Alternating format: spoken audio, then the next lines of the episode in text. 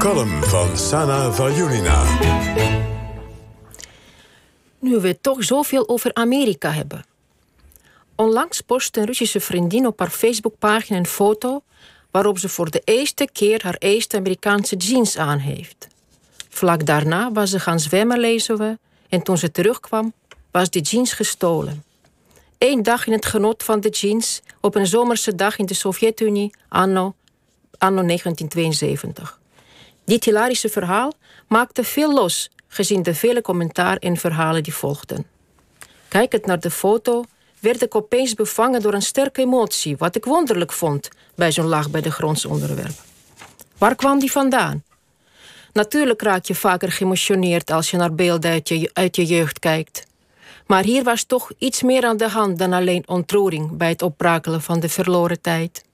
Deze anekdote oversteeg het persoonlijke en zette mij terug in het tijdperk waarin de woorden Amerikaanse jeans een haast mythische lading had, hadden. Droomde ze in Amerika dat je van krantenjongen tot miljonair kon worden?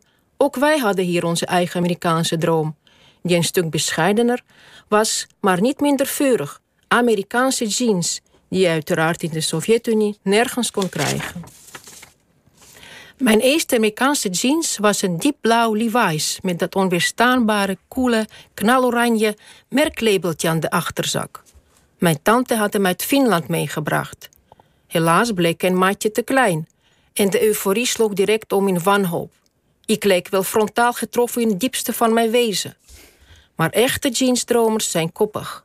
Liggend op de vloer, mijn buik tegen mijn ruggengraat gedrukt, heb ik me er uiteindelijk ingewurmd en heb ik hem nog lang gedragen.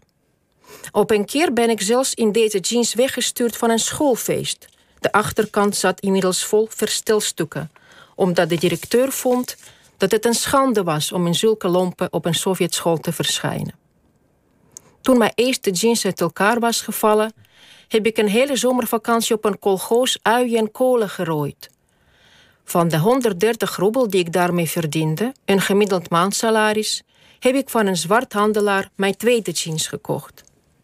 Onze ouders, leraren en overige talrijke opvoeders weigerden om ons te begrijpen. Zoveel geld voor zo'n verachtelijk lapje stof, zoveel materialisme. Dat kwam natuurlijk omdat we geen oorlog en honger hadden meegemaakt. Het goede, het ware en het schone waren hier wel heel ver te zoeken, net als de communistische idealen.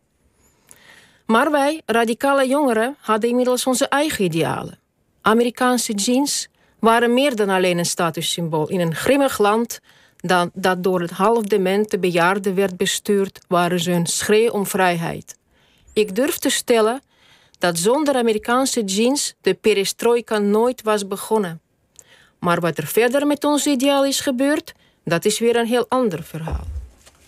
Ja, Sana, dankjewel. Prachtig. Is het nou, is het nou zo dat, dat, dat, dat uh, uh, je altijd als je een spijkerbroek aantrekt... nog even terug bent bij dat meisje van toen? Ik heb er vijf en ik ben iedere keer weer...